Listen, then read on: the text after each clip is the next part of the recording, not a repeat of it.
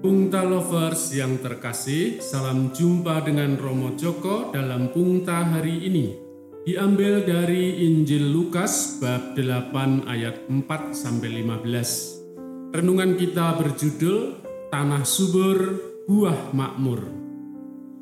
Sawah di pinggir gereja Cawas, saya tinggal di dekat persawahan.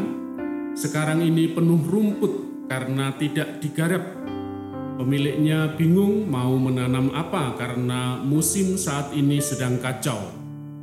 Mau menanam padi tapi tidak ada air yang cukup, mau tanam palawija, kadang hujan deras tiba-tiba datang. Ada beberapa yang berspekulasi menghadapi musim yang tidak jelas ini. Ada yang berani menanam padi, tapi ada pula yang coba-coba tanam jagung, kedelai, kacang hijau, atau tembakau. Mereka berharap-harap cemas. Moga-moga hasilnya baik. Para petani sangat mengandalkan tersedianya air atau hujan untuk bercocok tanam. Benih yang ditanam akan mati jika tidak tersedia air yang cukup. Tanah yang kering tidak akan memberi kesuburan, apalagi yang berbatu-batu atau banyak semak duri dan ilalangnya. Belum lagi kalau ada hama seperti tikus, wereng, atau belalang. Benih akan menghasilkan buah sangat tergantung dari tanah di mana benih itu ditaburkan. Pungta lovers yang terkasih, Yesus menceritakan sebuah perumpamaan tentang benih yang ditabur orang. Sebagian jatuh di tanah berbatu-batu, sebagian jatuh di semak duri, dan sebagian lagi jatuh di tanah yang baik. Yang jatuh di bebatuan dan semak duri tidak akan menghasilkan buah, sedang yang jatuh di tanah baik akan berbuah banyak. Perumpamaan itu dihubungkan dengan karya Allah. Benih itu adalah sabda Allah, penaburnya ialah Allah sendiri Tanah tempat benih jatuh adalah kita, manusia yang mendengarkan sabdanya. Kondisi kita ini beraneka macam.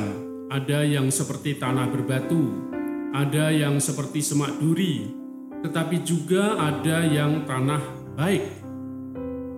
Bebatuan dan semak duri adalah hambatan yang membuat benih tidak dapat tumbuh berkembang.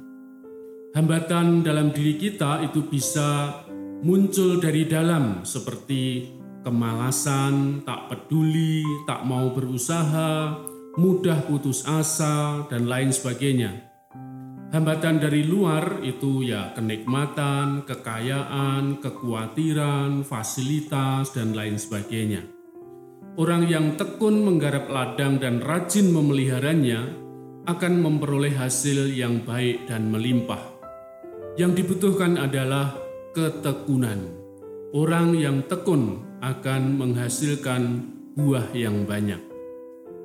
Kita bisa mengidentifikasikan diri kita, tanah macam apa kita ini. Apakah keluarga kita adalah tempat menabur benih yang baik? Apakah sabda Tuhan sungguh hidup dalam diri kita dan menghasilkan buah-buah kebaikan yang lestari? Mari kita berani menilai diri kita sendiri sebagai tanah macam apa. Penuh tantangan dan kesulitan sehingga sabda Allah tidak bisa berkembang atau kita ini tanah subur sehingga buah-buahnya dapat dinikmati oleh banyak orang.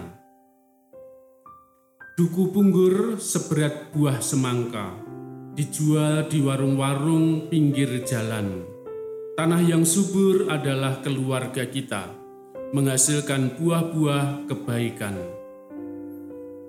Sampai jumpa, salam sehat, jangan lupa selalu bersyukur dan tetap bahagia. Berkah dalam.